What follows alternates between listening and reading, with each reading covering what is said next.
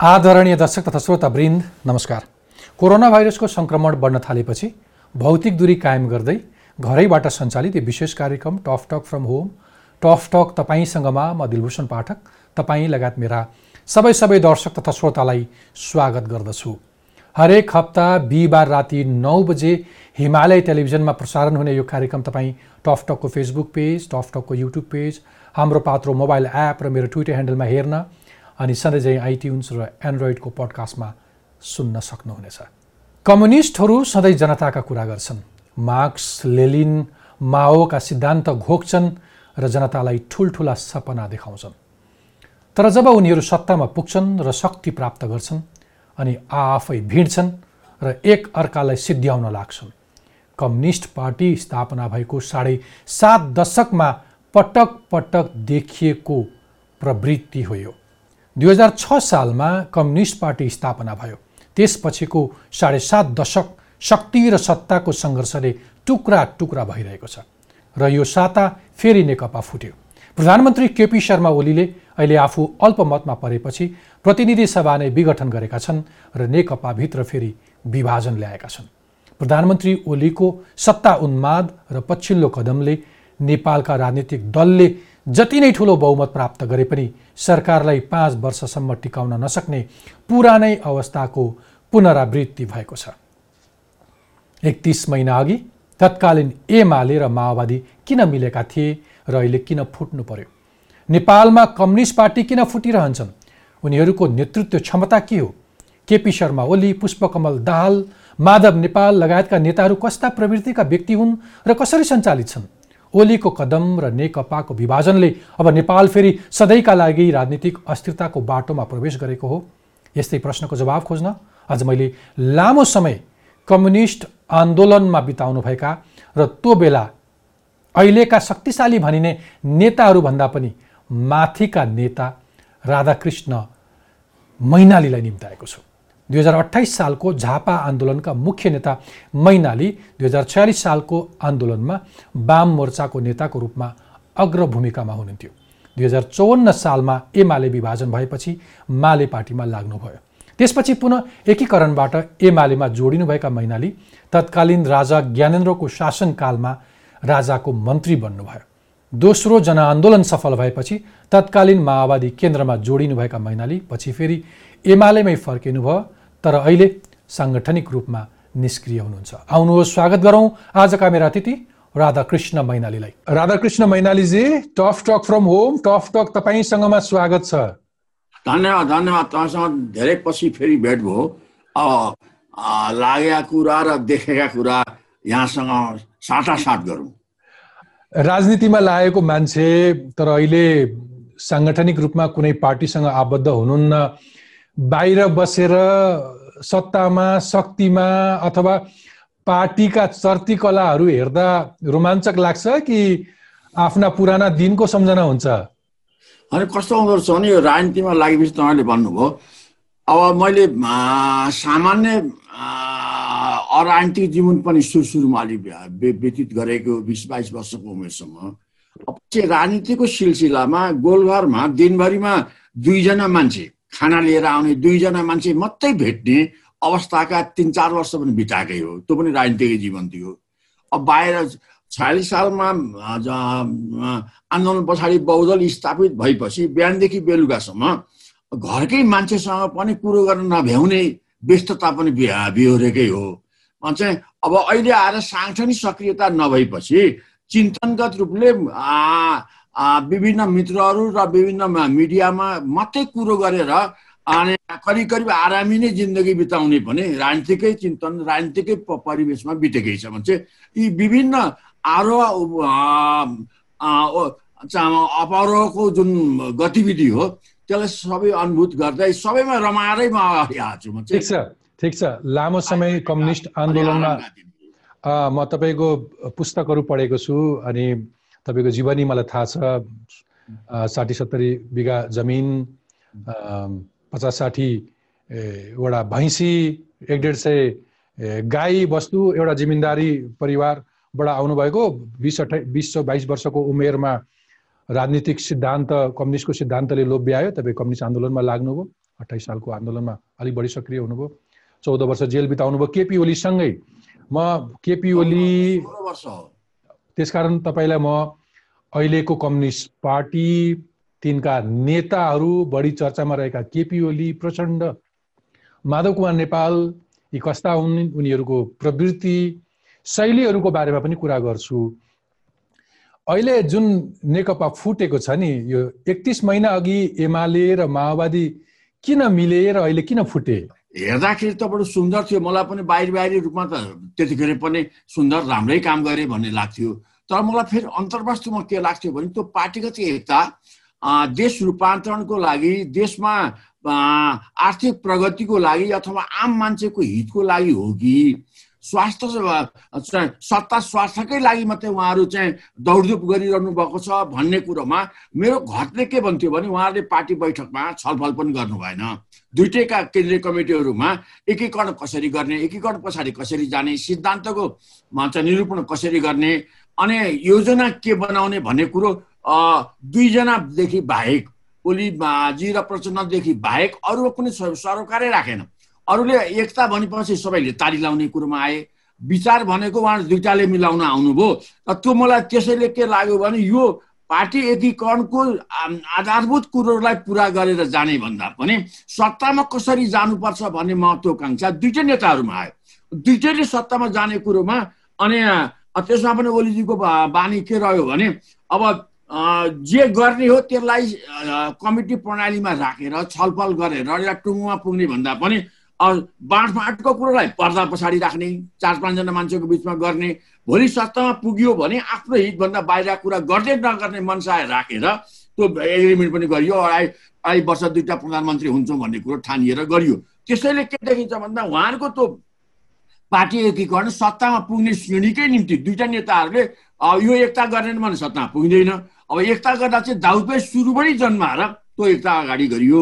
अब त्यो एकताको नाममा त्यो दाउपेचै भएको नाताले अढाई वर्ष पुगेपछि भने बमोजिमको शर्तमा ओलीजी जानु भएन।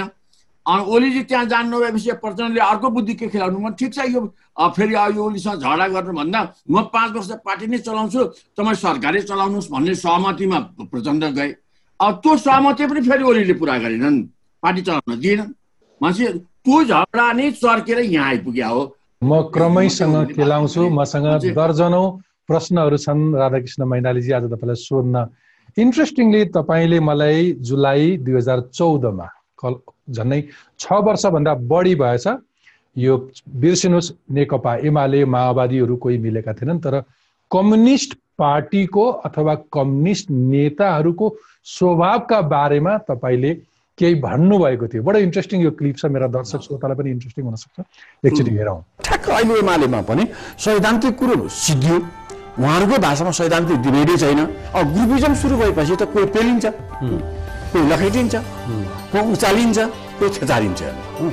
अब यो एमालेको चाहिँ अहिलेको यो दुर्दशा भनेकै हो? किन त्यसका संस्थापक भनेका थुप्रै मान्छेहरू बाहिर छन्। त्यहाँको सबभन्दा ठुलो चित्त मेरो दुखाइ चाहिँ भनेको के हो भने अब त्यहाँ विवेक शून्य रूपले ग्रुपिजम सुरु भयो। एउटै पार्टीका आफ्नै साथीहरूको बिचको कटुता को अहिले भन्छ त सिद्धिहाल्छस् भन्छ कहिले भन्छ त नमन्न त के कम्छ भोलि नि त आरे घाट जान्छस् भन्छ। यस किसिमका भाषा यस किसिमका तुक्का प्रयोग गर्दै उनीहरू अगाडि हाल्छन्। केपी र माधव साँच्चीकै दिलेरी मिल्यो भने मदन भण्डारी हुन्छ मैले भनिहाल्छु भन्छ अहिले दुइटै पूर्ण चाहिँ होइनन् कि- केही सद्गुण यसमा छन् केही सद्गुण उसमा छन्। आरकेजी यो भिडियो हेरिसकेपछि तपाईँलाई के महसुस भयो? मैले जे अनुभूत गरेका थिएँ त्यही अनुभूति त्यही माछा उहाँहरूको माछा उहाँहरूको बाचा जीवनबाट उहाँको स्वभावबाट ममा परेको प्रभाव मैले त्यसरी बताएको थिएँ। त्यो वास्तवमा वास्तविकै थियो ठिकै थियो त्यो त्यही कुरो त अहिले उहाँहरूले पुष्टि नै गर्नुभयो नि। ओके ठिक छ। त्यसो मलाई अब भनिदिनुहोस् यो अहिले यो फुट हुनुमा दोषी को छ? केपी शर्मा ओली प्रचण्ड या माधव कुमार नेपाल? यी तिनवटामा मैले भन्नुपर्ने हो भने मैले अरू अरू मिडिया पनि भन्दै आएको छु भने चाहिँ वास्तवमा अब अहिले उहाँले ओलीजीको ठनाइ के हो भने पार्टीको म एक नम्बर अध्यक्ष भन्नुहुन्छ। अझ भन्दा मात्रै म चाहिँ इलेक्टेड चाहिँ चुनिएको अध्यक्ष पनि भन्नुहुन्छ बेला बेलामा। कति हो कति होइन त्यो म समय पाएँ भने व्याख्या गरौँला। किन ए नेकपा एमालेमा त उहाँ चुनिएको अध्यक्ष हो। तर अहिले चाहिँ नेकपामा आउँदाखेरि दुइटै अध्यक्षहरू चुनिएका होइन स्वघोषित हुन्। त्यो स्वघोषित हुँदा हुँदा पनि आफूलाई चुनिएको एक नम्बर अध्यक्ष पनि भन्ने। अनि सरकारको प्रधानमन्त्री पनि उहाँ नै हुने नातामा भित्र भएका जस अब्जसको ठुलो भागीदार त ओलीजी नै हो। उहाँले उहाँले के गर्न सक्नु भएन भने पार्टीलाई सम्हालेर लान पनि सक्नु भएन। सरकारले सरकारलाई जनताको हितमा उभ्याउने काम पनि सक्नु भएन। अब ती दुइटै कुरो गर्न नसकेको हुनाले यो अहिलेको जुन बबन्डर आयो र पार्टी फुट्ने स्थितिमा आउँदा मेरो मूल्याङ्कनमा शत प्रतिशत त नभनौँ। करिब करिब नब्बे प्रतिशत चाहिँ जिम्मेवारी त ओलीजीकै हो। दस प्रतिशत मात्रै अरू अब तल्लो जिम्मेवारीमा बसेका सरकारभन्दा बाहिर बसेका नेताहरूको खास गरी माधव प्रचण्डजीहरूको भूमिका पनि केही त होला केही काहीँ अप्ठ्यारो होला केही भयो होला त्यो दस पर्सेन्टभन्दा बेसी होइन। नब्बे पर्सेन्ट यो बिग्र ल्याउने भूमिका ओलीजीकै हो किन उहाँमा नै एउटा अहम आयो। त्यो अहम भने यस्तो के भयो भने पार्टी कमिटीभन्दा पनि माथि हुने। अनि मैले भनेपछि सबैले मान्नुपर्ने भन्ने जुन अहम उहाँमा आयो त्यही कारणले नै यो स्थिति बिग्रिया हो र त्यो आफूलाई सस्याउन नसकेरै उल्टै त्यो गलत दिशामा गलत सोचाइमा आफूलाई निरूपण गर्दा ओलीजीको यो कारणले नै यो दुर्दशा आयो भन्ने मलाई लाग्छ। तर अक्सर अक्सर कम्युनिस्ट पार्टीहरू फुट्दाखेरि जहिले पनि विदेशी शक्तिलाई अगाडि ल्याएर उभ्याउने चलन छ। यसपालि चाहिँ त्यो विदेशी शक्ति झन् बढी थियो अथवा कम थियो अलिक टाढाबाट कसरी देखिन्छ? अनि मैले हेर्दाखेरि के किन लाग्छ ओलीजीको कुबुद्धिलाई अथवा उहाँले बुद्धि नपुर्याउने कुरोबाट जुन भड्किँदै आएपछि अब जहिले पनि के हुन्छ भने हाम्रो जस्तो सानो देश कमजोर देश यो कमजोर देशका शासकहरू झन कमजोर हुँदै गए झन अनपपुलर हुँदै गए जनताको बिचमा उनीहरूको साख घट्दै गयो भने स्वाभाविक छ विदेशी शक्तिहरूले पनि चासो राख्छन्। किन? अहिलेसम्म सात सालदेखि यहाँसम्म आइपुगेका जति राजनीतिक परिवर्तनहरू छन् ती सत्तामा बस्नेहरूको कमजोरीकै कारणमा त्यो कमजोरीमा खेलेर ती परिवर्तनहरूलाई विदेशी परिवर्तनहरूमा विदेशीहरूले सुन गाड्या हुन्। र मलाई लाग्छ अहिले पनि विदेशी यहाँ चलखेल छँदै थिएन मलाई भन्न सक्दिनँ। हाम्रा नेताहरू जहिले पनि चिप लिन्छन् नि अथवा चिप्लाउने चाहिँ जहिले पनि विदेशी शक्ति हुन्छ भन्ने चलन छ नि। अनि नेताहरूको कमजोरी जुन छ नि अत महत्त्वका तनम अ, सम्पर्क कमजोर हुने अनपपुलर हुने अनि उनीहरूको महत्त्वकांक्षा चाहिँ चर्को हुने। यो यो खे- बा- पक्षमा माछा विदेशीहरू खेले। अहिले नै भन्ने हो भने पहिले ओलीजीलाई विदेशीहरूले अलिक दम्काउनु खोजे। उनी चड्किए उम्, अब विदेशीले के बुझ्यो भने यसको कमजोरी कहाँ समुदायलाई उचाल्नुपर्छ भने? उहाँ त तपाईँ त महान मान्छे हो भन्ने उचाल्दै उचाल्दै लगाएर डिलेबाट खसाइदिए पार्लियामेन्ट भङ्ग भङ्ग गरेर भन्छ त्यो तहमा मलाई लाग्छ दुई किसिमले उहाँलाई उचालिएर उहाँ उचालिनु भयो उहाँको आफ्नो दृढता र आफ्नै साथीहरूसँग मिल्न नसक्ने जुन स्वभाव हो यो कमजोरीमा विदेशीहरूले खेले भन्ने मलाई लाग्छ। त्यो खेलकै परिणाममा उहाँ यहाँ आउनुभयो। अब त्यो विदेशीको खेलले उहाँ सत्तामा मजबुत हुनुहुन्छ कि? उहाँलाई त लागेला मजबुतै हुन्छु। तर मलाई लाग्छ विदेशीको खेलले अहिलेसम्म मजबुत भएको काहीँ पनि विदेशी चाहिँ घटनाहरू छैन सत्तामा। हिजो जति यहाँ परिवर्तनहरू भए सत्तासीनहरूलाई सिद्ध्याएर विपक्षीहरूलाई उठाउने खेलहरू भएको छन् भने अहिले पनि त्यही हुन्छ। ओके ठिक छ। होइन तर तपाईँले भने जस्तै कम्युनिस्ट नेताहरूको एक किसिमको प्रवृत्ति चाहिँ अलिकति विधि पद्धति भन्दा पनि बढ्ता अलिकति व्यक्तिका पदीय आकाङ्क्षाहरू ओ, को व्यवस्थापन गर्न नसकेको कमजोरी हो भनेर एउटा पक्ष हो भन्नुभयो तपाईँले। अर्को वैदेशिक हस्तक्षेप पनि त्यति नै छ। तर तपाईँहरू जो झापा आन्दोलनदेखि नेतृत्व गरेर आउनुभएको मान्छे आफू पदमा पुगेपछि नेताहरूले एकासी आफ्नो धरातल बिर्सेर आफ्नो पद अथवा आफ्नो मर्यादा बिर्सेर जनमतलाई चटक्कै बिर्सन अनि सिङ्गो जनतालाई धोका दिन मिल्छ। यो त भयो नि होइन? केपी ओली भन्नुहोस् माधव कुमार नेपाल भन्नुहोस् अथवा प्रचण्ड भन्नुहोस्। अब मलाई पनि के लाग्छ भने ओलीजीले जे गर्नुभयो साह्रै गलत गर्नुभयो। किन उहाँले आफ्नो धरती बिर्सिनुभयो? मलाई अहिले पनि के लाग्छ भने उहाँ नेपालका पोलिटिसियनहरू मध्येमा अथवा सत्तामा पुग्ने राजनेताहरू मध्येमा ओलीजी सबभन्दा दुःख पाएको मान्छे हो। पारिवारिक रूपमा चाहिँ सामाजिक रूपमा। किन भन्दा उहाँ सानैमा उहाँको आमा बित्नुभयो सायद मलाई उहाँ तिन चार महिनाको हुँदाखेरि आमा बित्नुभयो। दुध कटुवाको रूपमा उहाँ अगाडि आउनुभयो। किन त्यसले गर्दा उहाँको शरीर अहिले पनि कमजोर अनि पछि गएर अल्सर लाग्यो टिबी लाग्यो चाहिँ चाहिँ अनेकौँ रोगले समाउनु पनि बालपनको दुःखले नै हो। अनि चाहिँ त्यस्तो अवस्थामा विभिन्न मित्रहरूको सहयोगले उहाँले पढ्ने काम पनि सामान्य एसएलसी पास गर्दा पनि आफ्नो घर बुताबाट गराउन सक्ने स्थितिबाट यहाँ आउनुभयो। त्यो त्यतिखेरको दुःख पीडा अनि पोलिटिक्समा लागेपछि पनि तल्लो वर्गकै हित गर्ने भनेर उहाँ लाग्नुभयो। भने चाहिँ अब यी सबै कुराहरूलाई यहाँ सत्तामा आएपछि चटक्कै बिर्सिनुभयो। अहिले हिजोकै दुःखमा उहाँले जुन जीवन धान्नु भएको थियो अधिकांश मान्छेहरूको हालत अहिले अहिले पनि त्यस्तै छ। तपाईँले प्रसङ्ग तपाईँले प्रसङ्ग उठाइहाल्नुभयो पछिल्लो समय सामाजिक सञ्जालमा अलिक बढी चर्चित थियो। तपाईँ मोदनाथ प्रसिद्ध र केपी शर्मा ओली उभिएको एउटा तस्बिर थियो कुनै। काहीँ तपाईँले खिच्नु भएको थियो। त्यसको। सन्दर्भ त्यसको सन्दर्भ अलिकति सम्झाइदिनुहोस् न तपाईँले कुरा गरिसकेपछि। कहाँ कुन पृष्ठभूमिमा? त्यो मलाई चाहिँ बहुदल लागिसक्यो यस्तो फोटो मसँग पनि कसैले पठाइदियो। मैले फोटो आफै खिचेर त राखेँ होइन? अनि मैले हेरेर हेरेर सम्झिँदा धेरै सायद बहुदल दुई हजार छयालिस साल चैत छब्बिस गते बहुदल घोषणा भइसकेपछि अनि हामी सरकार त सायद कृष्णप्रसाद भट्टराईजीको सरकार बन्यो पछि वैशाख सडचालिस साल वैशाखमा त्यसपछि हामी विभिन्न जिल्लामा पार्टी सङ्गठनलाई गर्नको लागि आमसभा गर्दै हिँडेका छौँ त्यो आमसभा गर्दै हामी म मलाई अहिले पनि सम्झाउँछ मुन्नाजी ओलीजी र म यता हामी वीरगन्जबाट अ, आमसभा गर्दै गर्दै बाँचे झापा पुगेका थियौँ र झापामा सुरुङामा एउटा आमसभा भएको थियो। त्यो आमसभाबाट बाँचे ओली र प्रचण्डजी चाहिँ पश्चिमतिर फर्किनु म चाहिँ तालुजुङतिर गएँ। अब त्यही आमसभा मलाई मलाई लाग्छ चाहिँ उहाँको यसो हाउभाउ लुगा फाटो हेर्दा र मेरो सम्झनाले त्यो आमसभा चाहिँ वैशाखको पहिलो हप्ता या चाहिँ दोस्रो हप्ताको बिचमा त्यो सुरुङामा खिचेको फोटो। जुन फोटोमा ओलीजीको चाहिँ शारीरिक मान्छेको हालतको पुरा चित्रण त्यहाँ छ। त्यो उहाँ कमजोरै हुनुहुन्थ्यो जेलमा पनि दुःखै पाउनुभयो चाहिँ पछि रोगबाट अलिकति कमजोर भए पनि शरीरले मजबुती लिन सकिराखेका थिएन जुन फोटोमा अहिले पनि त्यहाँ दर्शिन्छ। चाहिँ त्यही प्रसङ्गको फोटो हो त्यो मलाई मेरो सम्झनामा। म पछि तपाईँहरूले उहाँहरूसँग बिताएको समय अरू स्वभाव अरू नेताहरूको प्रवृत्ति किन हामीले यति धेरै बहुमत प्राप्त गर्दाखेरि पनि यति लामो अनुभव प्राप्त गर्दाखेरि पनि यति धेरै इतिहासका दृष्टान्तहरूबाट सिक्न सकिरहेका छैनौँ र जहिले पनि यो राजनीतिलाई अस्थिरतातर्फ धकेल्न खोजिरहेछौँ त्यसलाई हामी केलाउने प्रयत्न गर्छौँ तपाईँ लामो समय कम्युनिस्ट आन्दोलनमा भएका कारण तपाईँलाई म क्रमैसँग सोध्दै जान्छु नै। तर फेरि तपाईँलाई मलाई सोध्न मन लागेको चाहिँ तपाईँलाई यो दुई वर्षको कार्यकाल बाँकी रहँदा रहँदै जुन प्रतिनिधि सभाको विघटन गर्न तम्सिए ओली यो प्रवृत्तिप्रति तपाईँको टिप्पणी त सुने मैले। तर सबै प्रकारका विकल्पहरू ओलीले पार्टीभित्र दिँदाखेरि पनि कसैले नसुनेपछि उनले यो चालेको कदम जायज जस्तो लाग्दैन जनादेश लिन खोजेको कदम? होइन मलाई चाहिँ उहाँले त्यस्तो मलाई अहिले पनि किन लाग्दैन भने अब यो सत्तरी वर्षको कम्युनिस्ट आन्दोलनमा मा चाहिँ अनेकौँ उहाँ पुग्दै पार्टी कहिले टुक्रिँदै टुक्रिँदै बच्चा कयौँ दर्जनमा कम्युनिस्ट पार्टीका युनिटहरू बने अनि रगत पनि त्यत्तिकै बग्यो मान्छे श्रम त्यत्तिकै गयो मान्छेको जीवन धेरैको बित्यो।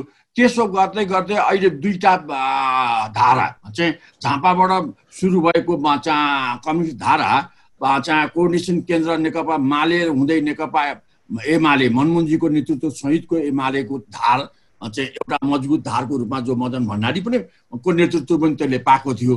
त्यसै गरी उता चौथो महाधिवेशनबाट चाहिँ विभिन्न साटाफेरा हुँदै निर्मल लामा मोहन विक्रम सिंह हुँदै प्रचण्डको धारबाट यहाँ आइपुगेको माओवादी धार समेत मिलेर एउटा शक्तिशाली धार अगाडि आएको थियो भने चाहिँ अब यो धारमा आइसकेपछि मान्छेले पनि धेरै विश्वास गरेका थिए कि अब यसले देशमा केही होइन त्यसमा त्यसमा डाउट भएन तर तर जसले अहिले केपी ओलीलाई पनि घेराबन्दीमा पारेको पारियो भन्ने ठाउँ त छ नि। होइन। प्रचण्डले अथवा माधव कुमार नेपालले। सहयोग नगरेको उनको भनाइ त कहीँ कहीँ जायज पनि लाग्छ नि होइन? होइन मलाई लाग्दैन किनभने अब यी मैले ती दुईटा दुईटा धारबाट आएर दुई त्याइको नजिकमा बहुमत पुगिसकेपछि अब दुई त्याइको बहुमत भएर पनि सरकारले मलाई परिस्थितिले मलाई काम गर्न दिएन भन्ने ओलीजीको तर्कमा अब के दुई त्याइमा माथि हन्ड्रेड पर्सेन्ट मात्र मलाई चाहिन्छ त। कसरी त्यो चलाउनु? अब अबको स्थितिमा दुई त्याइलाई त उहाँले चलाउनु सक्नु भएन। अब भोलि गएर फेरि दुई त्याइभन्दा ठुलो नभइकन सात थोरै मतले त उहाँले काम गर्न नसक्ने हुनुभयो। यो तर्कमा कुनै चुक छैन। किन मलाई लाग्छ विपक्षीहरूले पार्लियामेन्ट घेरा पनि छैन। उहाँकै पार्टीकै विपक्षीहरूले पार्लियामेन्टमा कुनै कामै गर्न नदिएको घेराउ गरेको कुनै विधेयकहरू पासै गर्न नदिएको त्यो स्थिति त छैन। अनि पार्टीमै पनि ओलीजीले ल्याएका प्रस्तावहरू रोकिएको पनि स्थिति छैन।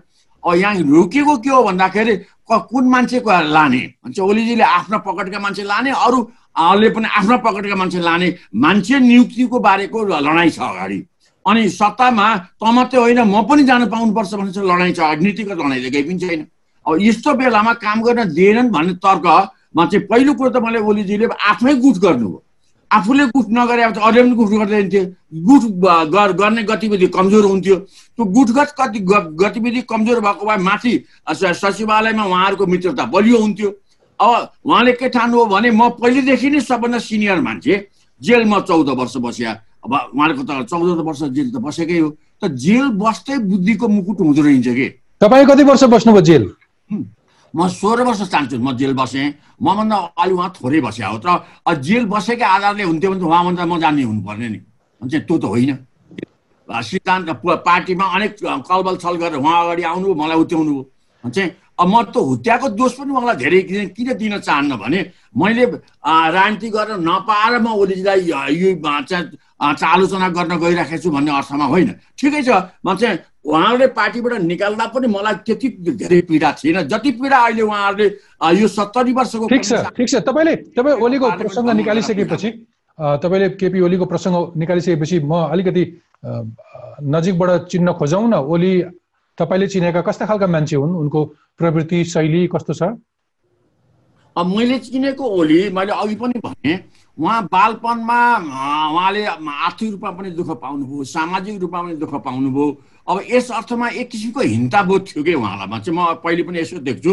उहाँलाई मैले भने मेरो कुरा अरूले पत्याउँदैनन् मैले भने अरूले मान्दैनन् भन्ने खालको हिंताबोध अनि त्यही भएर उहाँ चर्का चर्का कुरा गर्न खोज्ने खालको पद्धति। हिंसाबोधले आउने एउटा आक्रोश उहाँमा त्यो विद्यार्थी कालदेखि नै थियो।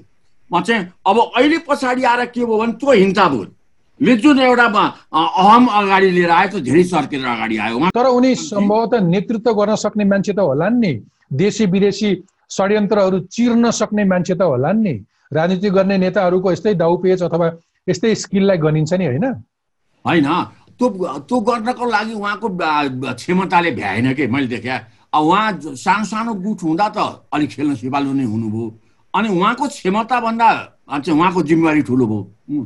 क्षमताभन्दा जिम्मेवारी ठुलो भएपछि मान्छे त्यसलाई चलाउन सकेन मलाई यो अहिले के लाग्छ भने उहाँको क्षमताभन्दा चाहिँ जिम्मेवारी धेरै आएको हुनाले अनि फेरि क्षमताभन्दाको धेरै बाटो हुने मनोवृत्ति बढेको हुनाले मैले अघि पनि भने हिंताबोधी ग्रन्थीले मलाई अनेकौँ उहाँका बचपनका हाम्रो जेलमा हुँदा जेल बाहिर आउँदाका उहाँका अभिव्यक्तिहरू अहिले सम्झिँदा के लाग्छ भने उहाँमा हिंताबोधी ग्रन्थी साह्रै त्यहाँ बौद्धौल आएपछि बढ्दै गयो।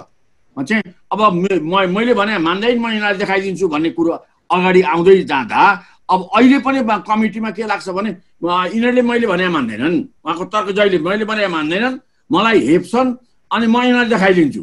यो वाचन केटाकेटीपन म यिनीहरूलाई देखाइदिन्छु। उहाँले बार बार प्रधानमन्त्रीकै कुर्सीमा बसेर पनि म यिनीहरूलाई देखाइदिन्छु कुर्सी नै भाँचिदिन्छु।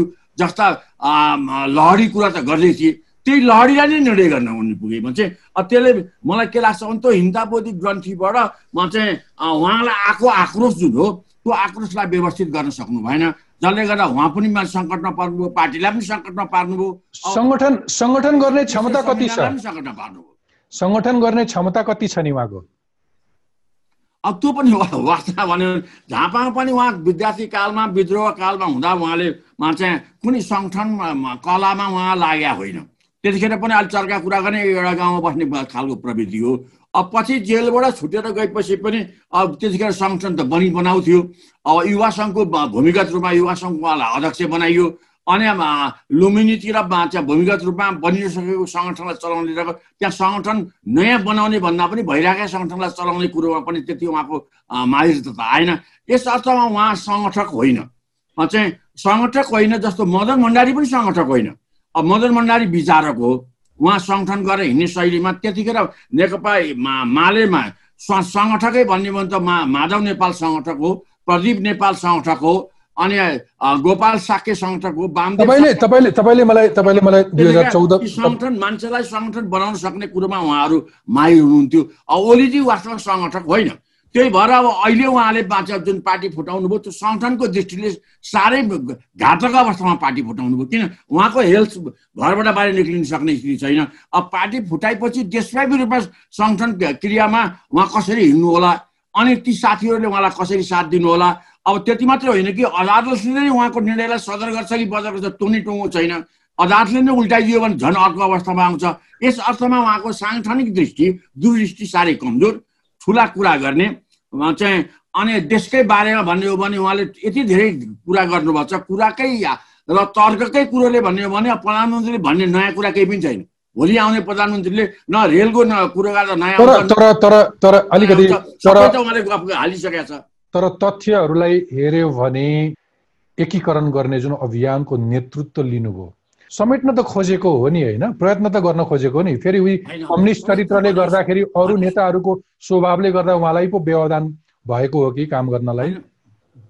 मलाई त्यस्तो किन लाग्दैन भने उहाँले जुन बेला पार्टी एकीकरण गर्नुभयो त्यतिखेरै राजनीतिक कुरो गर्नु भएन। दुइटै कमिटीलाई छलफल गराएर अनि कमिटीको सहमतिमा जाने कुरो उहाँले त्यतिखेरै गर्नु भएन। अहिले पछाडि पनि बादलहरू उहाँका बिचमा बादल पनि यतै रहन्छन् कि रहँदैन मलाई थाहा छैन।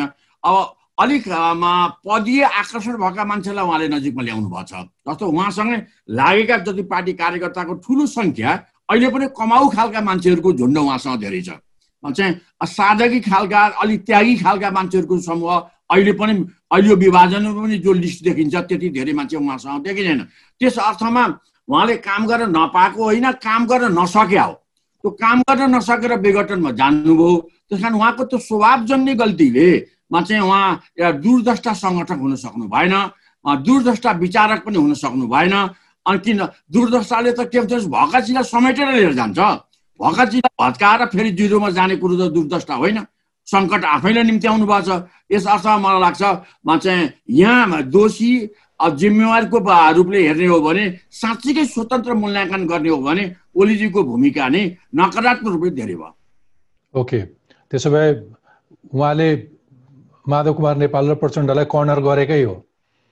अनि कर्नर गर्न मात्रै होइन कि मतलब भाँचिदिन्छु भनेर उहाँको लाग्ने हो भने सायद उहाँले भने जस्तो चाहिँ अलिक बलियो सत्ता जाने हो भने योभन्दा धेरै कर्नर पार्न अनि उहाँले उहाँले आफ्नो कुर्सी मात्रै भाँच्नु भयो कि पार्टी भाँच्दाखेरि सबैभन्दा ठुलो क्षति त पूर्व एमालेलाई नै भयो होइन? जस्तो त्यो कम्युनिस्ट आन्दोलनै दोष सङ्कट आयो अब नेकपा यो विभाजन पछाडि चाहे चुनाव होस् या पार्लियामेन्ट फर्कियोस् आखिर नेकपा नेकपा हिजोको हैसियतको सग्लो त भएन नि। चाहिँ शरीरका केही अङ्ग त खण्डित भए। अनि आम मान्छेको नजरमा पनि यिनीहरू पनि महत्त्वकाङ्क्षी हुन् सत्तासीन हुन्। अब यिनीहरूले पनि देश विकास गर्ने रहन्छन् भन्ने आरोप पनि मान्छेले धेरै पहिलेको भन्दा धेरै बुझे। चाहिँ यसले त फाइदा त आन्दोलनै नै छैन। चाहे ओलीजीले बनाएको सङ्गठन होस् चाहे माधव प्रचण्डजीले बनाएको सङ्गठनमा होस् एउटा कालो छाप त लाग्यो। चाहिँ अझ यो ओलीजीकै कारणले लाग्यो। उहाँले नि जिम्मेवारी दिन नसक्नेले अर्को अर्थमा भन्ने हो भने ओलीजीलाई नेता बनाउनमा हिजो माधवजीहरू जुन लाग्नुभयो चाहिँ उहाँहरूले नि मान्छे चिन्नु भएन। चाहिँ मान्छे चिनिया भए मान्छेको क्षमता हेरेर जिम्मेवारी दिनुपर्छ क्षमताविहीन मान्छेहरूलाई गुटकै भरमा जुन जिम्मेवारी दिनुभयो र हिजो उचालेर जसरी मान्छेमा माधवहरूले ओलीलाई माथि लिएर आए त्यसकै दुष्परिणाम हो। त्यस्तो अन्तत भन्ने हो भने ओलीजीलाई ओलीजीले यो अहिले जुन दुर्गति गरू काम गर्नुभयो त्यसमा ओलीजीलाई उठाउने काममा माधवजीको जे भूमिका थियो त्यस अर्थमा उहाँले को पनि जिम्मेवारी हो? नेगेटिभ जिम्मेवारी माधवजीको पनि गर्ने ओली जस्तो क्षमताहीन मान्छेलाई उठाएर काखी चिपेर उहाँले नेता बनाउनुभयो चाहिँ अब त्यो परिणामले देशले आज भोगिरहेको छ कम्युनिस्ट आन्दोलनले भोगिरहेको छ। ओके त्यसो भए अब अब अब केपी ओली र उनको पार्टीको भविष्य चाहिँ के? अहिलेसम्म मैले देख्ने हो भने पार्टी फुटाएर पूर्व फर्किने पहिलेका गतिविधिमा फर्किने नेपालकै अरू कम्युनिस्ट आन्दोलनमा पनि फाइदा भएको छन्। जस्तो म आफैलाई लाग्छ हिजो एमालेबाट म चाहिँ अनेकौँ कारणले महाकालीको राष्ट्रघाती सोचकै कारणले पनि हामीले एमाले भएपछि फर्केर फेरि माले बनायौँ। आम मान्छेले माले फर्केर माले बनाएको कुरो रुचिमा गएन। एक त पार्टी विभाजनको दोष लाग्यो। अर्को कुरो पहिले चाहिँ एउटा गतिबाट अगाडि गएपछि पछाडि फर्के भन्ने कुरो भएपछि अब माले त्यतिखेर प्रगति गर्न सकेन। अनि त्यसको अध्याय सकिए जस्तै अब अहिले नेकपामा एक स्टेपले हिजो एमाले भन्दा अगाडि आएर शक्तिलाई पनि समेटेर अगाडि गएको नेकपा फेरि फर्केर नेकपा एमालेमा ओली पुग्नु भने ब्याक टु दि मङ्गलमान हुन खोज्नुभयो ब्याक टु दि मङ्गलमान हुन खोज्दा यो स्थिति त हिजो पछि फर्किनेहरूको जे जे गति हुँदै आएको छ त्यस्तै गतिमा उहाँ पनि पुग्नुहुन्छ। चाहिँ मलाई लाग्दैन कि उहाँले अब अर्को पार्टी खोलेर देशमा फेरि शासन गर्ने तहमा पुग्नुहुन्छ। यो कल्पनाको विषय मान्छेले सोच्ने विषयभित्र पर्छ जस्तो मलाई लाग्दैन। तपाईँले काहीँ इङ्गित गर्न खोज्नु भएको छ कि काहीँ सुने जस्तो लाग्छ तपाईँको अभिव्यक्ति कि फेरि पनि उही कम्युनिस्टको चरित्र अथवा स्वभाव अलिकति अवसरवादी खालको अनि पर्टिकुलरली ओलीसँग नजिक भएकाहरू चाहिँ ओलीबाट फाइदा लिन खोज्नेहरूको समूह जस्तो देखिन्छ। जुन दिनसम्म ओलीसँग फाइदा लिन्छन् त्यस दिनसम्म त ठिकै छ। तर जब त्यो अवसर पाइन छोड्छ अनि चटक्क छोडेर हिँड्छन् र त्यो बेला ओलीको हालत के होला भनेर तपाईँले कहीँ प्रश्न उठाउनु भएको हो? त्यसको आधार के? अनि त्यो मैले साँच्चै त्यो ठिकै भन्नुभयो मैले एक दुईवटा अन्तर्वार्तामा काहीँ भने पनि छु। म चाहिँ अब अहिले ओलीजीसँग जो जो लागेका छन् मैले यी भनौँ न यही भोलि सर्वोच्च अदालतले ओलीजीको सिफारिसलाई रद्द गरिदियो भने अहिले ओलीजीसँग जति लागेका छन् जस्तो अहिले नै ओलीजीले एघार सौ केन्द्रीय समिति बनाउँदा त्यसमध्ये राम्रा राम्रा मान्छेहरू त बिस पच्चिसजनाले त अहिले नै राजीनामा दिइसके। हुन्छ उनले के देख्यो भने यहाँ भविष्य छैन भन्ने बुझेर त्यसले राजीनामा दिए जस्तै यदि अदालतले मुद्दा उल्टाइदियो र फेरि पार्लियामेन्ट रेजिस्ट्रेट भयो भने अनि चाहिँ ओलिजीसँग भएका अहिलेका धेरै मूर्धन्यहरू पनि फर्केर चाहिँ पुरानै ठाउँमा फर्किन सक्छन् भन्ने मेरो मेरो पनि अहिले पनि अनुमान छ। किन? ती विचार वैचारिक रूपले भन्दा पनि त्यहाँ गएपछि चाहिँ पद खान पाइन्छ भन्ने कुरोले धेरै आकर्षित। भएका छन्। अब पद नआउने कुरो भइसकेपछि त तिनीहरू फर्केर स्वाभाविक ठाउँमा फर्किन्छन्। किन त्यहाँ धेरै अवसरवादीहरूको गुलजुल छ मलाई छ ओलीजीलाई पार्टी यो पार्लियामेन्ट विघटन गराउन ज जसले सल्लाह दिए।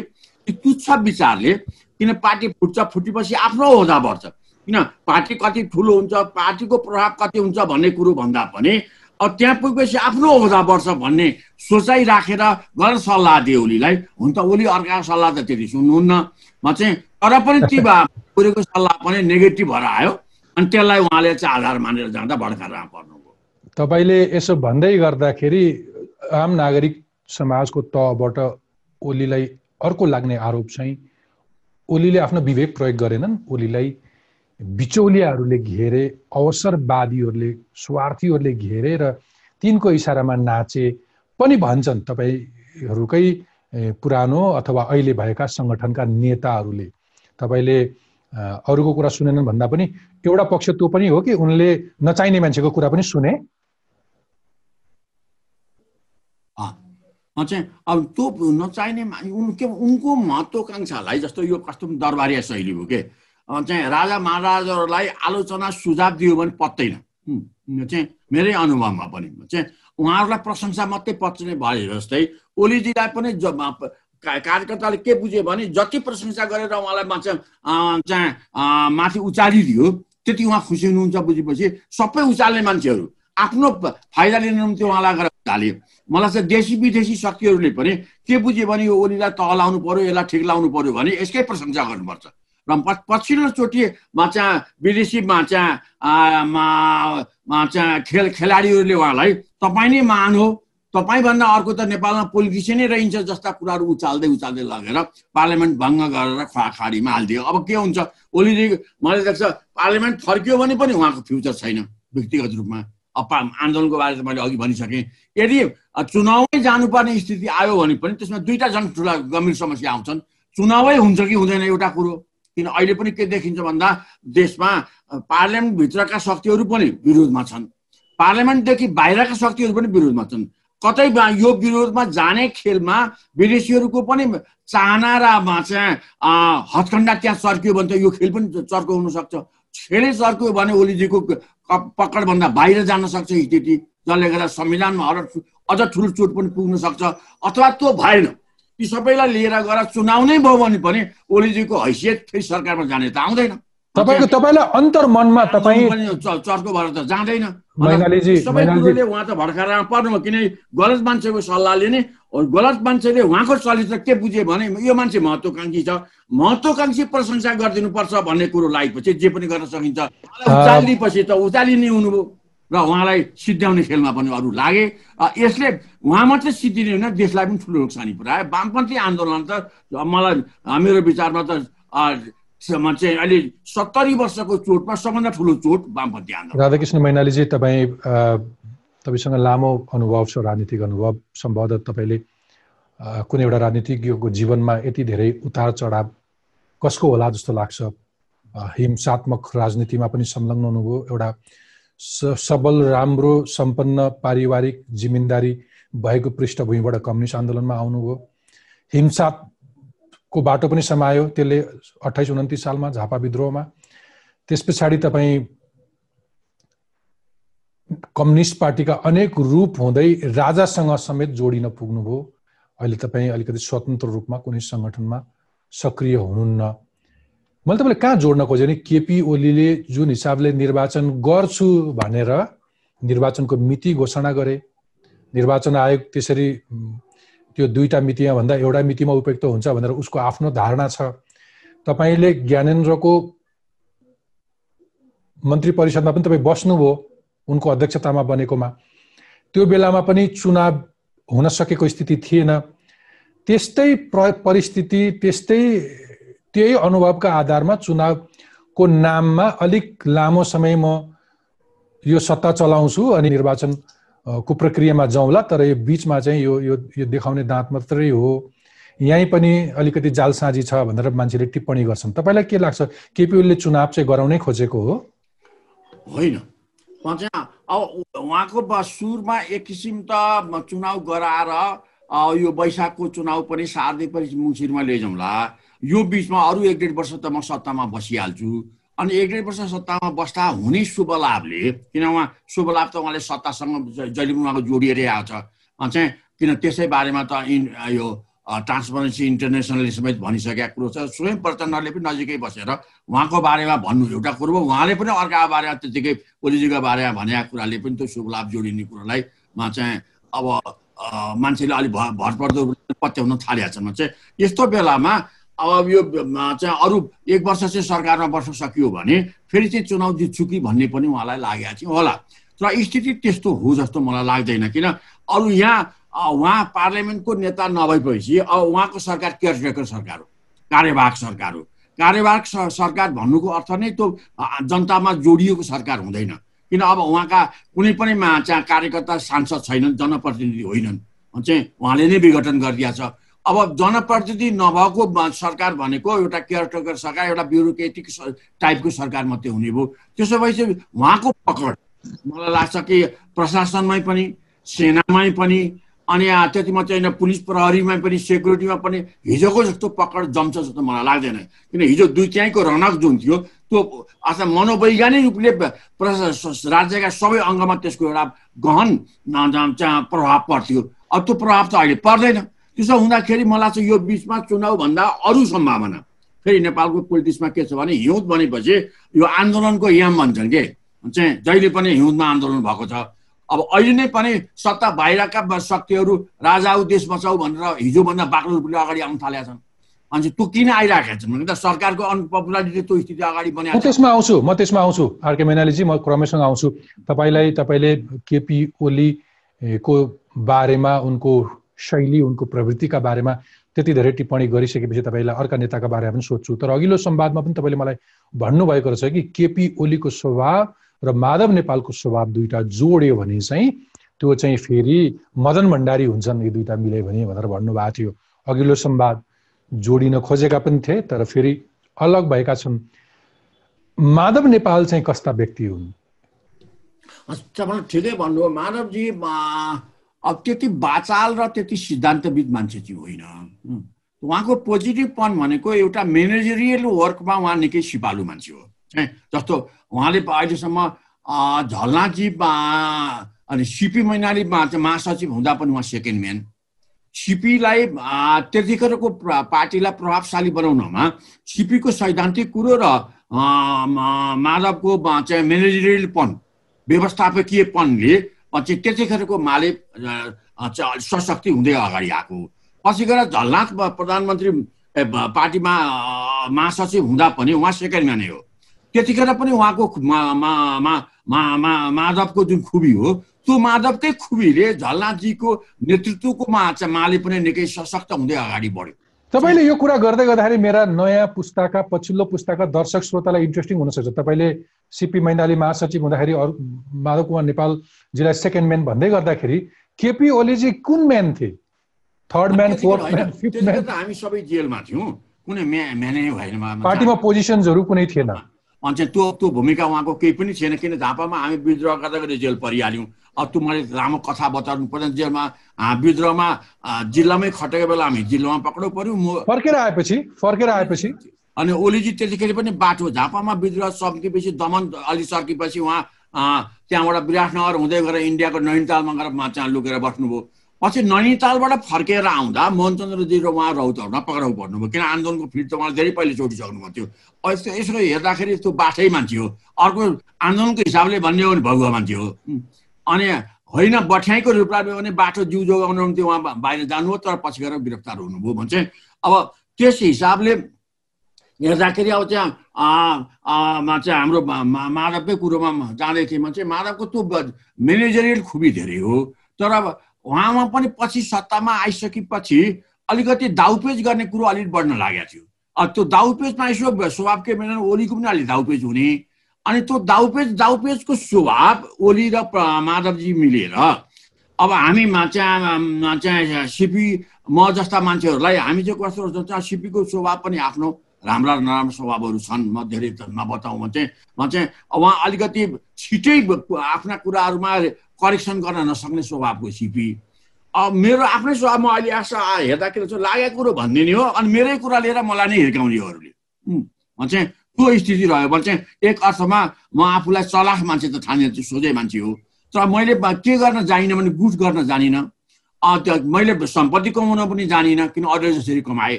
म चाहिँ त्यो सम्पत्ति नभइकन गुट नहुने।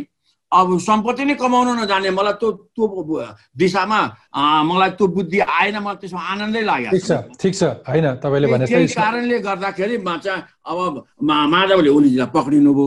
त्यस कारण उहाँको खुरापाती स्वभाव अलिअलि अनि मा चाहिँ म्यानेजरियल गुण धेरै।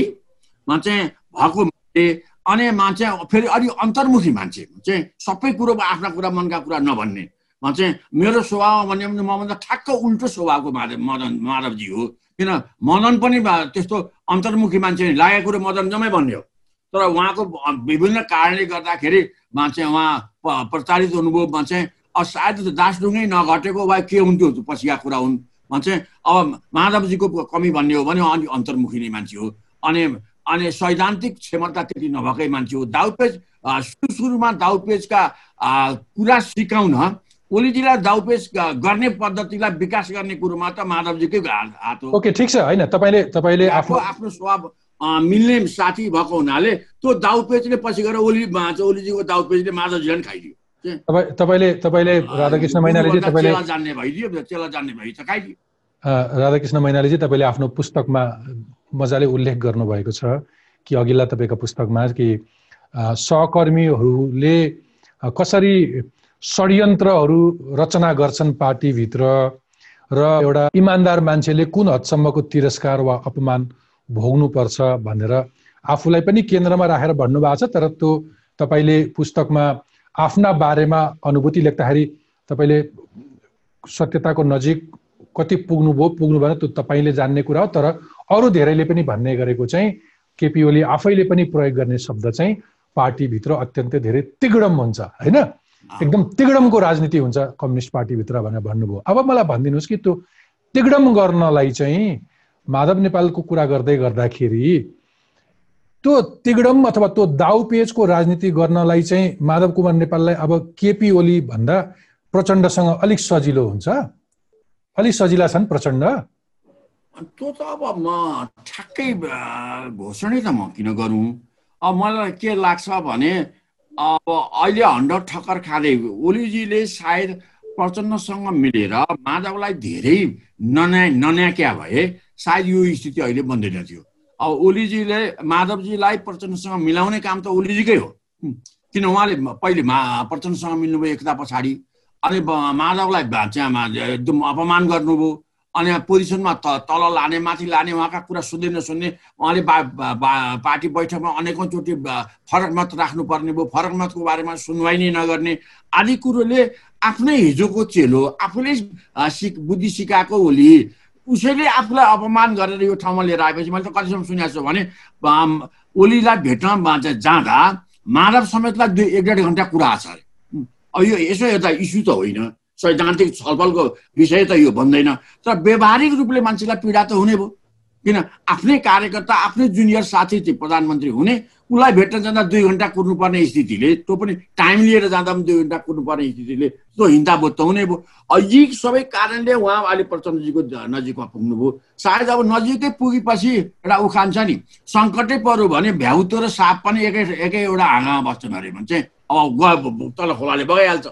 भने भने जस्तै उहाँहरू सङ्कट परेर एक ठाउँमा आउनुभएको छ अब त्यो एक ठाउँमा आएपछि दुइटैले बुद्धि सुधारे भने दुइटैले हिजोका टिक्नङलाई छोडिदिए भने सत्तापतिको लिप्सालाई भन्दा पनि सिद्धान्त र मित्रतालाई बढाउन सके भने सायद उहाँहरूको एकता राम्रै हुनसक्छ। अब त्यसो भएन भने त फेरि यो पनि अर्को अब चाहिँ दुर्दिन आउन सक्छ कि छ महिना पछाडि उहाँहरू दुइटाको बिचमा माधव र प्रचण्डको बिचमा पनि फेरि ओली र अहिले माधव ओली र प्रचण्डको बिचमा द्वन्द्व आए जस्तै त्यहाँ पनि द्वन्द्व आउनु नसक्ने त्यसको त्यसको सम्भावना नकार्ने स्थिति त छँदै छैन नि होइन? यसो हेऱ्यो भने माधव नेपालसँग राम्रा नेताहरूको टिम पनि छ। होइन। माधव नेपालसँग त आफ्ना राम्रा नेताहरूको टिम छ।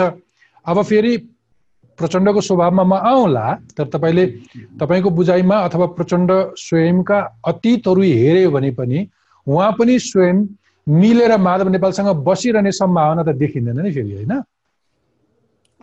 अन्तर सङ्घर्ष त स्वभाव हो। पार्टी एकदम डाइनामिक हुनलाई अन्तर सङ्घर्ष चाहिन्छ भन्नुहुन्छ तपाईँहरू स्वयं। स्वभावमा दुइटाको बिचमा परिवर्तन भएन र हिजोका जहिले नै फेरि दाउपेचमा लाग्यो भने त चाहिँ मान्छेले जे आशंका गरेका छन् नि त्यो आशङ्कामा उहाँहरूको बिचमा पनि फेरि बिखराव हुनसक्छ जस्तो मैले मलाई अहिले पनि के लाग्छ भने ओलीजी अहिले छुट्टिएर अगाडि जानुभयो। उहाँसँग त्यति सुन्दर कार्यकर्ताको माथिल्लो टिम छैन। चाहिँ अलिक दादागिरीको टाइपका साथीहरूको सङ्ख्या उतापट्टि छ। अब यतापट्टिको समस्या भने अलिक भद्र र अलिक धेरै कार्यकर्ताहरू त माधव प्रचण्डपट्टि छन्। तर तिनीहरूको बिचमा पनि अहिले पनि एउटा के जोखिम छ भने एउटा शङ्का छ यी दुईवटा नेता पनि मिल्छन् कि मिल्दैन भन्ने अवरोध चिन्तनमा अवरोध त यता सबै कार्यकर्ताकै बिचमा छ किन ब्याकग्राउन्ड पनि माओवादी र एमालेको ब्याकग्राउन्डका नेता। अनि दाउपेचमा दुइटै अलिअलि जान्दै नजान्ने होइन दाउपेच अलि खेल्दै आएकै खेलाडी परे। अब यो दाउपेच फेरि चल्यो भने छ महिना महिनाको बिचमा अनि फुट हुन्छ कि? भन्ने डर चाहिँ कार्यकर्तामा छ। ओके ठिक छ। होइन मैले मैले नेगेटिभ धार पनि बनाएको छ। स्कुलिङ पनि उहाँहरूको स्वभाव उहाँहरूको बानी उहाँका चिन्तनलाई फेर्दै अगाडि गयो भने अब हिजो जे गर्यो भोलि त्यही गर्छ भनेर एकचोटि मान्छेले डकैती गर्यो भने जिन्दगीभर डकैती नगर्न सक्छन्। तर धेरैले डकैती गरेपछि गरे गरी चाहिँ कहीँचोटि पटकै पटकै डाका भएर बसेका जेलमा हामीले थुप्रै मान्छे पनि भेटेका छौँ। त्यो के हुन्छ त भोलिका कुरा? मलाई भनिदिनुहोस् तपाईँले चिनेका पुष्पकमल दाहाल चाहिँ कस्ता व्यक्ति हुन्? पुष्पकमल पनि मलाई लाग्छ मान्छे सङ्गठक होइनन्। उहाँको स्वभाव एउटा राम्रो पक्षमा राम्रो स्वभावमा जाने भने उहाँ मास लिडर टाइपको मान्छे। अर्गनाइजर होइन। किन अर्गनाइजर होइन भने त हिजो माओवादीको जुन प्रचार थियो त्यो प्रचारको जुन एउटा रनक थियो त्यस पछाडि उहाँ पछि शान्तिपूर्ण रूपान्तरण भएपछि आउँदाखेरि उहाँको सङ्गठन त काहीँ पनि रहन्छ। त उहाँको सङ्गठन भनेको पनि हातमा लट्ठी बोकेर डाङडुङ्गे डलाएर हिँड्ने मान्छेको टिम त उहाँले बनाउनु भयो। अनि साङ्गठनिक रूपले राजनीतिक कार्यकर्ता उत्पादन गर्ने काम कम भएछ भन्ने कुरो त अहिले उहाँका स्थायी कमिटीका मेम्बरहरू पनि धेरै राजनीतिक नहुने अनि अरू अरू नीति र योजना बनाउन चाहिँ जान्ने खालका मान्छेहरूको टिम अहिले पनि माथि छ। केही केही मान्छेहरू अलिक राजनीतिक छन्? सबै मान्छेहरू त पोलिटिकलमै राति राजनीति नभएका कुरा त अहिले देख्नु न कताबाट खान पाइन्छ भनेर बादल पनि कहिले उल्लो घर पहिले पल्लो घर गरिराखेका छन्। अब लेखराज भट्टको पनि कहाँ टप्पर थाममा चामल आउँछ भन्ने कुरोमा खेद्याखेरि कुद्या कुदैछन् यस खालका मान्छेहरूको टिम र अरू अरूमा चाहिँ हाम्रो रायमाझीको पनि चाहिँ कहाँ पाइन्छ खान भनेर हिँडिराखेको छ भन्दा यो सिद्धान्तको उहाँहरूको बिचमा बेमेल हुँदा उहाँले साङ्गठनिक रूपले राम्रा मान्छे उठाउन सक्ने कला प्रचण्डमा रहेनछ भन्ने कुरो देखिन्छ। पछिल्लो समय ओलीको शैलीले एउटा मास लिडर थियो। अनि अब उहाँको अर्को के हो भने एउटा उहाँको सोच पनि सामान्य सोच छ साह्रै माथिल्लो सोच। किन? उहाँलाई सामान्य जीवन सामान्य हावभाव सामान्य नेताको रूपमा उभिने भन्दा पनि अगाडि पछाडि दुई चारवटा गाडी लाएर घर वरिपरि दुई चार दर्जन पुलिस उभ्याएर बस्न त्यो खतरा भन्दा पनि एउटा रनक देखाएर बस्ने तपाईँ यो भन्दा पार्टी पार्टीको पार्टी सत्ता होस् पार्टी सत्ता होस् अथवा राजकीय सत्ता स्वाद परेको छ उहाँलाई। अनि त्यही त त्यो भएपछि त्यो त सर्वाराको पोलिटिक्स गर्ने म सर्वहाराको नेता हुँ भन्ने अनि चिन्तनमा राजाजी सोच राख्ने त उहाँको काममा नै अवरोध हो यो क्या। चाहिँ उहाँको प्रगति उहाँले गर्ने सोचमा नै यो अवरोध भएछ। उहाँले आफूलाई डिक्लास कति कसरी गर्न सक्नुहुन्छ? सामान्य नेताको रूपमा आफूलाई झार्न सक्नुहुन्छ कि सक्नुहुन्न? अनि त्यसो भए त्यो नेता हुँ भन्दा म चाहिँ त्यो सिम्प्लिसिटी ल्याउन सक्नुभयो भने त सायद भोलि एकता माधवसँगको एकता पनि बढ्ला। अनि त्यति मात्रै नभएर जनतामा अलिक पपुलारिटीमा पनि जान सक्नु होला होइन भने त यो राम्रो दिन त यो बानी बेहोरा दुइटैको बिचमा माधव र प्रचण्ड दुइटैको बिचमा सुध्रिएन। त्यसमा पनि प्रचण्डकै बिचमा धेरै स्वभावमा परिवर्तन आएन भने सजिला दिन त उहाँहरूको बिचमा पनि छैनन्। Okay okay.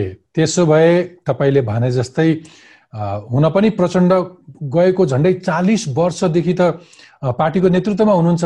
सम्भवतः यसपटक मात्र ओलीको खटनपटन झेल्नु परेपछि तपाईँले भने जस्तै उहाँको त्यो पार्टी सत्ता अथवा त्यो राजकीय सत्ताबाट अलग हुनु पर्यो।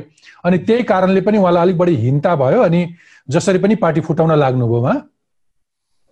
त्यो भन्दा पनि त्यो पनि एउटा कारण हो। त्यो भन्दा पनि अर्को के हो भने उहाँलाई उहाँ ओलीजीको झुटको खेतीले उहाँ धेरै उत्तेजित हुनुभयो। चाहिँ अब सुरुमै त्यो अढाई वर्ष अढाई वर्ष सत्ता बाँड्ने किन भन्नु पर्थ्यो? यदि ओलीजीलाई साँच्चीकै पाँच वर्ष बस्नु थियो भने साँच्चीकै पार्टी एकीकरण गर्नु थियो भने तिमी पार्टी अध्यक्ष बन म प्रधानमन्त्री बन्छु भन्दा त भइहाल्थ्यो नि? त्यसो भए यो कचिङ्गलै हुँदैन थियो। त्यस त्यतिखेरै ओलीजीको कलुषित मन के हो भने त्यो साँच्चीकै एकता गरेर जाने होइन कि दाउपेच गरेर लडाइदिने कुरो हो। यसले पनि प्रचण्डलाई धेरै हिंसाबोध बनायो भने चाहिँ अब होला उहाँलाई मान्छ आफू सेकेन्डरी भएँ भन्ने कुरो भन्दा पनि ओलीजीको हेपाइमा परे ढाँटाइमा परे चुच्याइमा परे भन्ने कुरोले उहाँलाई धेरै पीडा गर्यो। त्यही त्यस्तै पीडा त माधवमा पनि हो नि। माधवलाई पनि यो दगल्च्याउने काम नगरेको भए ओके। माधव मेरो पोलिटिकल नेतै हो भने टाइपले चाहिँ विश्वास गरेर लिएर गएको भए मा चाहिँ त्यस्तो कुरो त हुँदैन थियो। चाहिँ अब ओली मिठा कुरा गर्न कति सिपालु छन् भने अब यो पछिल्लोचोटि उहाँ पार्टी अध्यक्ष भइसकेपछि उहाँ पार्टी अध्यक्ष भएपछि मलाई घरमै आएर के भन्नुभयो भने यार के त मेरो नेता अब त चाहिँ पार्टी बाहिर बस्ने म पार्टी अध्यक्ष हुने मिल्यो? यो कुरो मिल्यो? भाषै यही हो। तिमी मेरो नेता तिमी चाहिँ पार्टी बाहिर बस्ने म चाहिँ पार्टी अध्यक्ष हुने यो कुरो उम्, लु भन त आएर लु मिल्यो मिल्यो भने। कुरो त मिलेन। त लखेट्यो त तिमीले लखेट्यो हुने लखेट्योपछि म के गर्ने भनेपछि उनले लामो कुरो गरेँ मैले कुनै जवाब दिइनँ। अब त म अब तँलाई फेरि तिन दिन चार दिन पछाडि बोलाउँछु भने तिन चार दिन पछाडि बोलाएर ल आऊ सँगै बसौँ। म चाहिँ तिमीलाई मैले बुझेँ पलिटिकल स्थायी कमिटीमा थियौ। अब म फेरि स्थायी कमिटीमा राखेर हामी सँगसँगै काम गरौँ भने उनले। अनि मैले भने ठिकै छ त्यसो भए त म गुटमा आउँदिनँ। नेकपा एमालेमा आउँछु। बस्न निर्गुट भएर बस्न दिन्छु भने। तर त्यो त्यति मिठो कुरो चाहिँ गर्ने काममा चाहिँ केन्द्रीय समितिले पनि हटाइदिने. यो खालको अर्काजी हामी प्रचण्ड र माधव कुमार नेपालले नेतृत्व गरेको पार्टीको बारेमा पनि केही कुरा गरौँ। उहाँहरू संलग्न भएको पार्टीको भविष्य के देख्नुहुन्छ? अब मलाई लाग्दैन कि हुन त यो कोर्टले के गर्छ? अब यो कोर्टले मा चाहिँ यो ओलीजीको सिफारिसलाई रद्द गरिदियो भने सायद उहाँको अलिअलि नोक्सानी भएर पनि पार्टीलाई उठाउन सक्नुहुन्छ। ओलीजीको त्यतिखेर फ्युचर झन् सङ्कटमा जान्छ।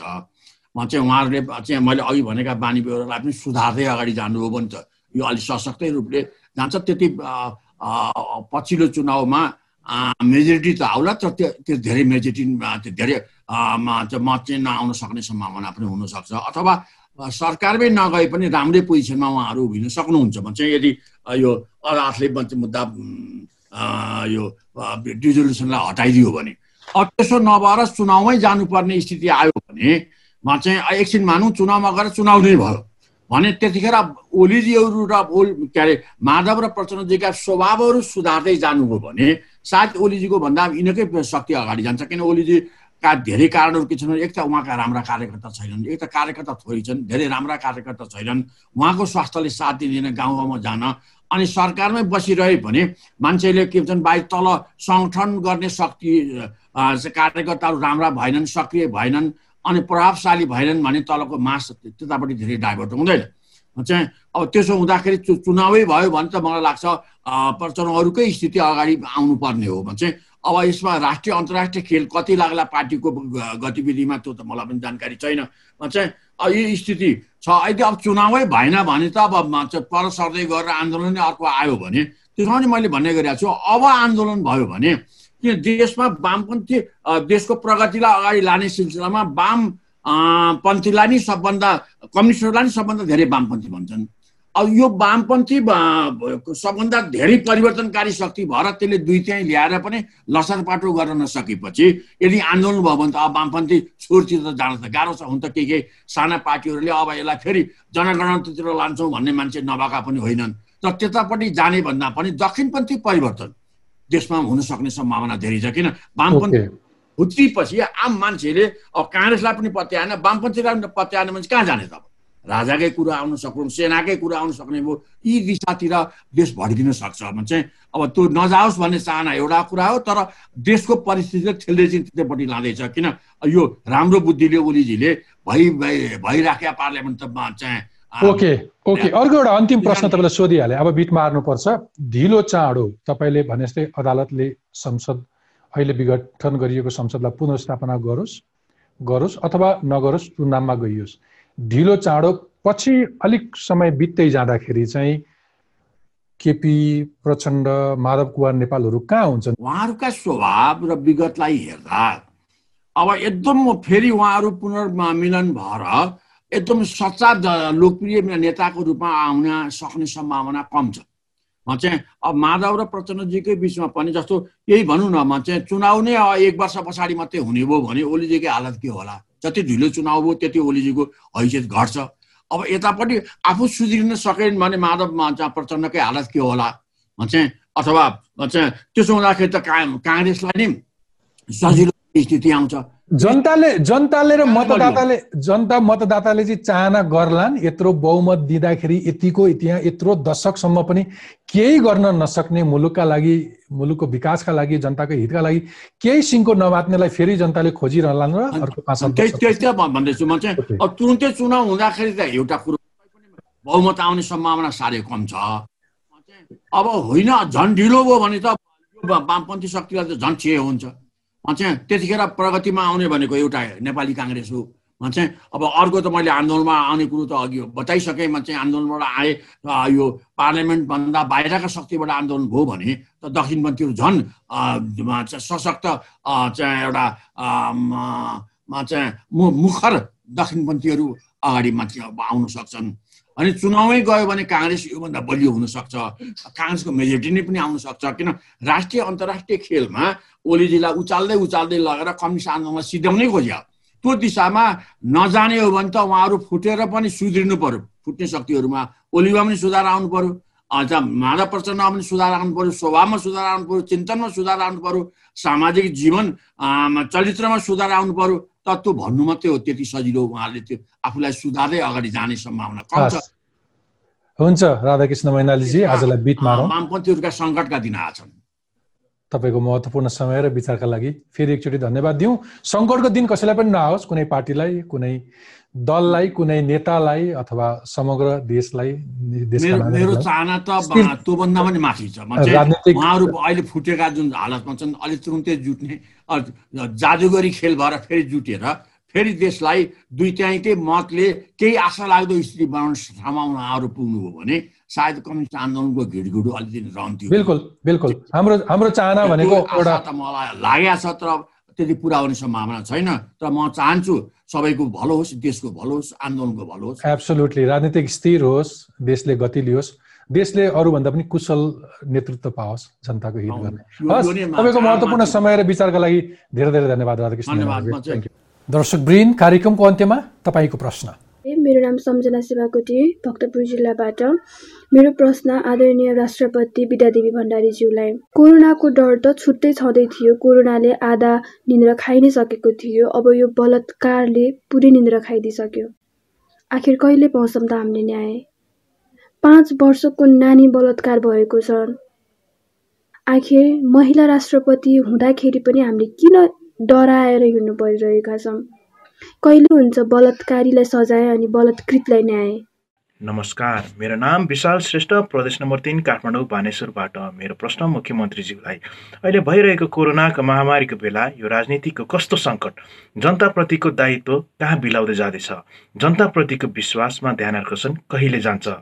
कहिलेसम्म आफ्नो लागि मात्र मन्त्री बन्ने? जनताको लागि मन्त्री कहिले बन्ने? नमस्कार मेरो नाम श्रुति श्रेष्ठ म धनगढी कैलालीबाट। मेरो प्रश्न सम्बन्धित निकायलाई अहिलेको यो राजनीति सङ्कटमा रहँदा जनता अझै कति पिसिनुपर्ने होला र विघटित संसद पुनर्स्थापना हुने सम्भावना कति रहेको छ? धन्यवाद। अबदेखि टकमा तपाईँ आफै पनि प्रश्न राख्न सक्नुहुन्छ। सरकारमा बस्ने हुन् वा प्रशासन चलाउने सार्वजनिक ओदामा बस्ने हुन् वा समाजका जिम्मेवार व्यक्ति तपाईँ जसलाई पनि प्रश्न गर्न सक्नुहुन्छ। उत्तर नआउन पनि सक्छ तर प्रश्नको प्रभाव अनेक किसिमले परिरहेकै हुन्छ। त्यसैले आजै आफ्नो मोबाइल फोन उठाउनुहोस्। क्यामेरा अन गर्नुहोस् नाम र ठेगाना भन्नुहोस् र कसलाई के प्रश्न हो आधा मिनटभित्रमा सोध्नुहोस् र हामीलाई पठाउनुहोस्। हामी सबैभन्दा राम्रो प्रश्नलाई कार्यक्रममा समावेश गर्नेछौँ। हवस् त अर्को हप्ता यसरी नै भेटौँला। कार्यक्रमका बारेमा टफ टकको युट्युब पेजमा आफ्नो प्रतिक्रिया लेख्न र सब्सक्राइब गर्न नभुल्नुहोला स्वस्थ रहनुहोस् सुरक्षित रहनुहोस्। आजलाई बिदा दिनुहोस्। नमस्ते शुभरात्रि।